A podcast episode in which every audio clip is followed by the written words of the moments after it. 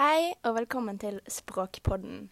I dag skal vi ta for oss språkdebatten som fant sted på 1800-tallet, og har i den anledning tatt med oss språkforsker Knut Knutsen. Hei, ja. Det er meg. Eh, veldig hyggelig at du ville være med oss her på Språkpodden. Eh, har du bare lyst til å si litt om deg sjøl? Ja, det kan jeg gjøre. Mitt navn er Knut Knutsen og kommer fra Vrakve... Var, Vakre. vakre Tvedestrand. Men er nå bosatt i Oslo og jobber som norsk språkforsker. Ja, og så er du kjent eh, for ditt arbeid eh, i morsmålsundervisning og fornorsking av det dansk-norske språket. Det er riktig, ja. Eh, og så var jo du veldig engasjert i språkpolitikken og deltok eh, i den norske språkdebatten på 1800-tallet. Eh, har du lyst til å fortelle litt om det? Den norske språkdebatten var jo en aktiv og frisk språkdebatt som både jeg og flere andre språkaktivister deltok i. Debatten var mellom de som ville holde den tette kontakten Norge hadde med Danmark, og de som ville lage et helt nytt norsk skriftspråk som kunne identifisere Norge. Høyre støttet opp under min forskningslinje, mens arbeidet til Ivar Aasen ble støttet av Venstre. Ja, akkurat. Og som vi ser i dag, så ble det til slutt de som ville ha et helt nytt skrift på språk, som vant denne debatten. Da vi, da vi i dag har eh, norsk og bokm nynorsk og bokmål som offisielt skriftspråk her i Norge. Du var jo en av de i debatten som sto for dette, og er derfor i dag kjent som bokmålets far. Ja, det stemmer. Jeg, jeg som lærer på Katedralskolen i Oslo, så jo, mye, så jo hvor mye av elevene mine at, Hvor mye de strevde med det dansk-norske skriftspråket. Ivar Aasen kom jo med ideen om at vi skulle samle alle dialektene i Norge til et samlet skriftspråk og kalle det nynorsk, men jeg synes det var litt for radikalt, og mente at vi heller burde fornorske dansken gradvis. Altså at vi skulle ta talemålet som er liten i byene og gjøre det om til et skriftspråk. Eh, du nevner jo kort Ivar Aasen og hvordan han ville bygge et nytt, sk nytt skriftspråk på det norske talemålet. Eh, og måten han gjorde dette på, var jo veldig interessant. Ja, han reiste jo rundt i Norge for å få folkene til å fortelle ham fortellinger på eget talemål, og lyttet eh, til hvilke ord de brukte, og hvordan de bøyde ordene, og hvordan de satte sammen setninger.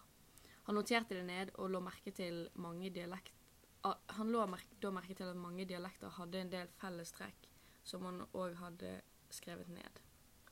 Iver Aasen var en veldig dyktig språkforsker, og jeg be- beundrer virkelig måten han arbeidet på. Han hadde jo også gode motiver for hvorfor han ville fornorske det danske skriftspråket. Ja, det stemmer. Eh, vi har jo det demokratiske motivet. Eh, der mente han jo at eh, om en hadde rett til å delta og bli hørt, så måtte jo man òg ha rett til å ha et språk man kunne uttrykke seg på. Eh, han mente òg, siden at eliten brukte det danske språket, også kalt eh, den dannede dagligtalen, og siden eliten var i mindretall, burde de ta hensyn til flertallet og endre skriftspråket sitt. Han hadde jo et godt poeng der, da. Eh, og så hadde han flere gode poeng, som f.eks. ved det sosiale og pedagogiske motivet sitt. Eh, da begrunnet han meningen sin med at et eget norsk skriftspråk ville utjevne de sosiale forskjellene i landet. Ja, på den tiden så måtte man bli konfirmert for å bli regnet som myndig, og for å kunne bli konfirmert måtte man kunne lese og gjøre rede for det som sto i Bibelen. Det å kunne lese ble altså inngangsbilletten til samfunnet, for å si det, på den måten. Og det var noe som ble vanskelig for mange da Bibel og andre tekster ble skrevet på dansk.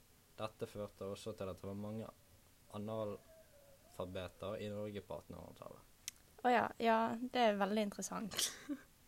Så har vi til slutt Åsens Aasens nasjonale motiv. Eh, de pedagogiske, sosiale og demokratiske motivene til Ivar Aasen er alle knyttet til tanker fra opplysningstiden på 1700-tallet. Og han mente da om eh, mente at om et samfunn skulle bli bedre og kunne utvikle seg, så var det viktig at folket fikk utdanning og opplysning. Et annet motiv for Ivar Aasen eh, var mer tuftet på tanker fra nasjonalromantikken, nemlig det at eh, en selvstendig nasjon måtte ha sitt eget språk. Et språk som er typisk for den nasjonale folkeånden. Men det var jo ikke bare du og Åsen som var med i denne språkdebatten. Vi skal nå ta for oss eh, noen av de andre som deltok.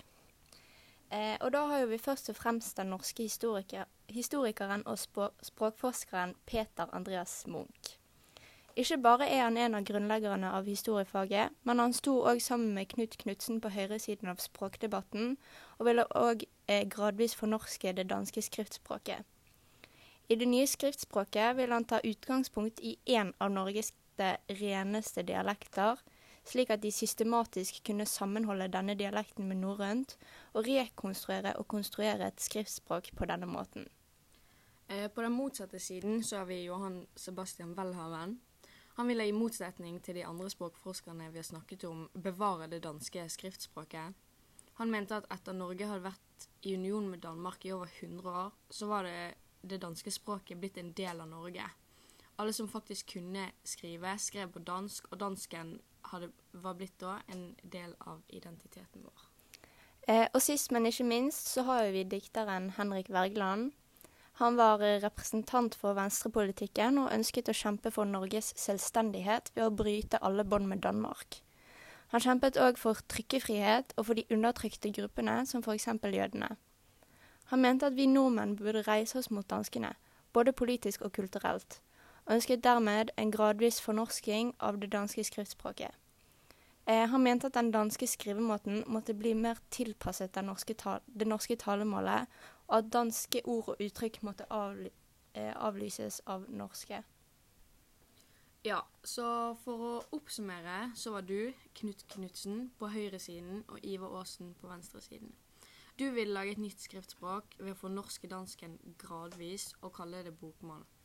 Mens eh, Aasen han ville bygge det nye skriftspråket på flere av de norske dialektene og kalle det for nynorsk. Og som vi da ser i dag, så ser det ut som dere valgte å inngå et kompromiss og innføre både bokmålet og nynorsken. Ja, det gjorde vi. Vi tenkte at vi har to skriftspråk, og folk kan velge det skriftspråket som ligger nærmest den dialekten de snakker. Ja, det synes vi var er veldig lurt. Ja, og med dette så avslutter vi denne episoden av Språkpodden. Tusen takk for at du hørte på, og husk at det kommer en ny episode hver fredag. Takk for oss, og ha det bra.